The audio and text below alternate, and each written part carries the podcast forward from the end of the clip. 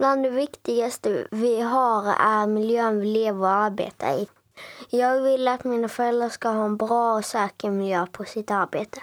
Det vill jag själv ha när jag börjar jobba. Och fram till dess vill jag ha en sist miljö på min skola och min fritid. Det är inte okej okay att bli sjuk av att vara i skolan, jobba eller vara ute i naturen. Detta är allvar för mig. Några som också tar dessa frågor på allvar är arbets och miljömedicin SID. De har gjort en podd för oss som är intresserade av dessa miljöfrågor. Nu lyssnar vi.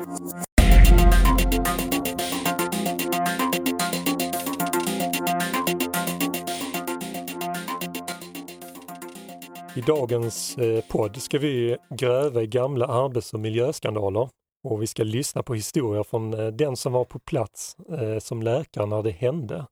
Välkommen hit Margareta Littorin. Tack så mycket. Och bredvid mig så har jag ju Solly.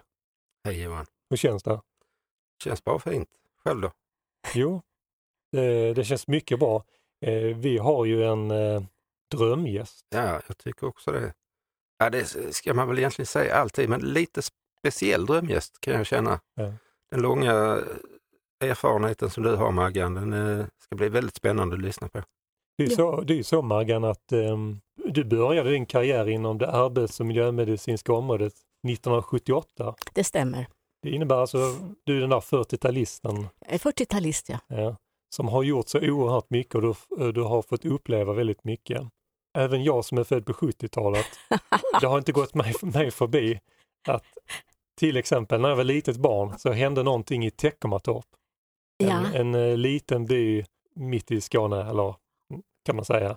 Fortfarande idag så kan man eh, läsa om eh, den här giftskandalen. Teckomatorp lider ännu av gamla giftstämpeln till exempel, kunde man nyligen läsa. Och det är tydligen så att 2019 ska ytterligare 53 000 ton giftiga jordmassor betong grävas upp. Det är du Solly? Ja, men kan du inte berätta vad det här handlar om i, i grund och botten? Det handlade ju om det som man till bara för några år sedan fortfarande kunde notera när man, körde, när man åkte tåg eh, och passerade Teckomatorp. Då kände man en lukt som man inte hade känt förut. Och det var lukten av klorfenoler som kom då ifrån eh, att man grävde i de här gamla massorna.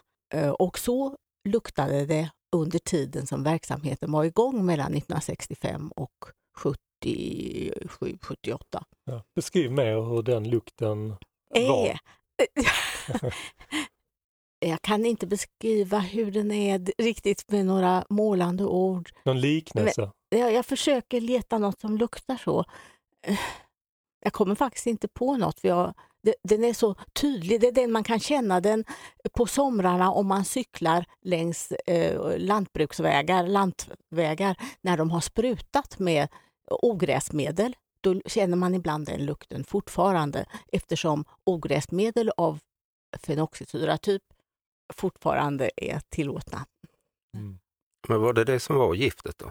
Det var ett av giften, alltså på Tekomat, i Teckomatorp, så, i fabriken där, så tillverkades till ungefär tre fjärdedelar de här klorerade fenoxisyror och klorfenoler som fanns i ett svampmedel som hette blåskydd.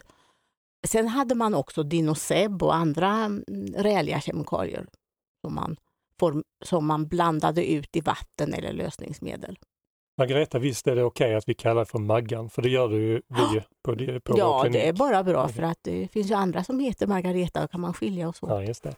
Och Maggan, vad är ditt starkaste minne av eh, BT Kemi-skandalen i din roll som läkare? Um, det starkaste minnet var väl det egentligen att efter att ha intervjuat mellan 200 och 300 anst före detta anställda Eh, Eh, på BT Kemi att det var så pass många som 60 procent som hade arbetat där och haft besvär hela tiden mer eller mindre.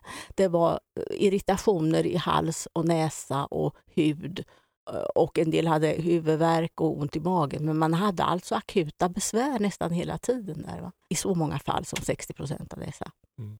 Men själva skandalen, var den att man utsatte arbetare för det här eller var det flera delar? Ja, det, nej, det, själva skandalen var väl inte riktigt det för att arbetarna och vi alla anställda vi vill ofta försvara vår egen arbetsplats. Så det var inte därifrån egentligen som klagomål kom utan det var från den övriga befolkningen i Teckomatorp med omnejd. Bland annat då Monica Nilsson som är välkänd eh, för att ha eh, burit på detta att se till att säga till olika myndighetspersoner och så vidare att här luktar förfärligt och våra barn får besvär ifrån luftvägar och hals. Och dessutom kan det inte vara rätt, sa hon vid sina kontakter med olika eh, potentater. Eh, det kan inte vara rätt att det ska grävas ner tunnor i marken med en massa gifter ifrån verksamheten i. Mm. Och den, den kvinnan du nämner, hon bodde? Var... Ja, nära där ja. Just det. Hur eh, resonerar man inom din eh, yrkesgrupp, läkarkåren, när det här blev känt? Jag kan inte minnas att vi resonerade så himla mycket om det, för de arbetskamrater som jag hade bland läkarna då, de var fullt upptagna med sina områden och det var ju asbest i hög grad som pågick då, skandinavisk eternit i Lomma. Eh, den skandalen pågick ungefär under samma tid och längre än så. Ja, nu nämner du en ny skandal. En som är ännu nyare är ju Hallandsåsen. Berätta vad det här handlar om i, i grund och botten. Det, det, var så att det var en del kor som blev sjuka som hade druckit av en å där uppe på Hallandsåsen. Och det var det som var upprinnelsen till att man började förstå att det var någonting korna hade fått i sig som inte var bra och vad var det? Och så började man leta och då fann man det att det var det tätningsmedel som hette Rockagill som hade använts för, eh, vid byggandet av Hallandsåsen.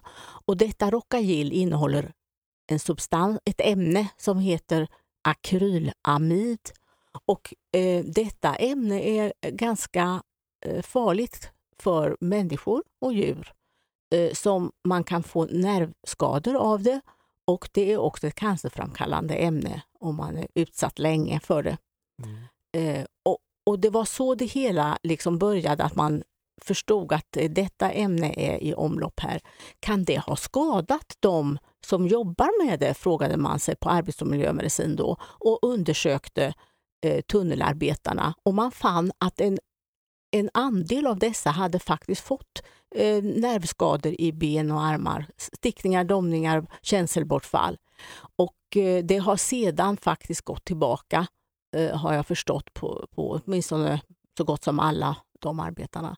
Men det jag personligen kom i kontakt med var när jag deltog delvis i att ha några, eh, några drabbade då i allmänbefolkningen som menade att de hade tagit skada av den här eh, substansen. Mm. Alltså jag, allmänbefolkningen, de som eh, bodde bo, ja, på åsen? Åsen och som hade med det här vattnet att göra, med marken att göra och så vidare. Och den jag träffade som jag minns nu, va, det var en pojke som jag tror var fyra år och han hade fått bortfall av sin känsel i benen, så, så vitt jag, om jag minns rätt. Och eh, eh det visade sig sedan just kunna eh, Eh, eh, när man kunde göra undersökningar av hans kroppsvätskor så kunde man se att det verkade bero på den här akrylamiden. Ehm, och ehm, ja, det tyckte jag var väldigt skrämmande och det är ju också något att tänka på med de här skandalerna vi har talat om, både skandinavisk eternit i Lomma och BT-kemi i Teckomatorp och så Hallandsåsen. Att inte endast arbetarna kan drabbas utan också de som rör sig omkring, familj, grannar, allmänheten kan också drabbas av sådana här farliga saker, fast i lägre omfattning än mm. den som direkt jobbar med det. Ja, det är ju klart ett viktigt påpekande. Det, är det, ju. det måste man komma ihåg ja. i alla lägen. Ja. I alla lägen. Ja, det är bra du säger det. Ja. ja. Men man ska också tro på, om det ringer en från allmänheten och påstår och tror sig ha blivit skadad av någonting, så ska man lyssna, tycker jag, från vår sida, arbets och miljömedicin, och försöka tränga in i och gräva fram vad den pers personen säger och, och huruvida det kan vara som personen säger. Ibland är det det, ibland är det det inte. Men om man gör ett seriöst arbete i det så kan man komma hela vägen fram till sanningen. Men det Nästa. viktiga där är att eh, man ska, Lyssna. man ska lys- alltid lyssna på folk. Ja, men det är klart att Ja. man ska lyssna och tro på folk. Det var ju någonting som du och jag Solly satt och funderade på innan det här programmet. Vi måste ju fråga Maggan, vad är det du vill skicka vidare till de unga eller de andra generationer som nu kommer ta vid och jobba i, i det här? Är det Ja. detta du är inne på? Ja, ja. Ta, ta människor på allvar och lyssna på vad de säger. Tro på dem. Det här är deras upplevelse. Som upplevelsen är ju riktig, men kan det dessutom ligga eh, mycket eh, fakta bakom, så ta reda på dem. Gräv ordentligt så du förstår vad det handlar om. Och tro på människorna, ja. Mm. Ja, jag känner bara att det är väldigt klokt sagt. Mm. Betryggande att höra det. Sen blir man ju nyfiken på hur har du som människa påverkats av alla de här händelserna som du har varit med om i din roll som läkare? Ja, jag skulle vilja säga att eh, jag redan från början har varit nyfiken och liten aning misstänksam om saker och ting. Och jag tycker nog att mitt liv i jobbet har, jag har- jag fått detta bekräftat att det finns anledning att vara nyfiken, det finns anledning att vara lite ifrågasättande. Mm. Kommer du fortsätta vara det? Ja, Bra. till dödagar. Då fick du det sagt, det är utmärkt. Då har vi det till och med på band. Ja, ja men då... Ja, då kommer du inte undan. Nej. Vi har det bevisat. Ja. Men vad, vad, vad fint Maggan, vad fint att du tog dig hit till oss, att du kunde dela med dig av, av ett litet axplock av dina erfarenheter från alla de här åren eh, inom den här branschen. Det finns mer. Det gör det. Tack ska du ha. Tack.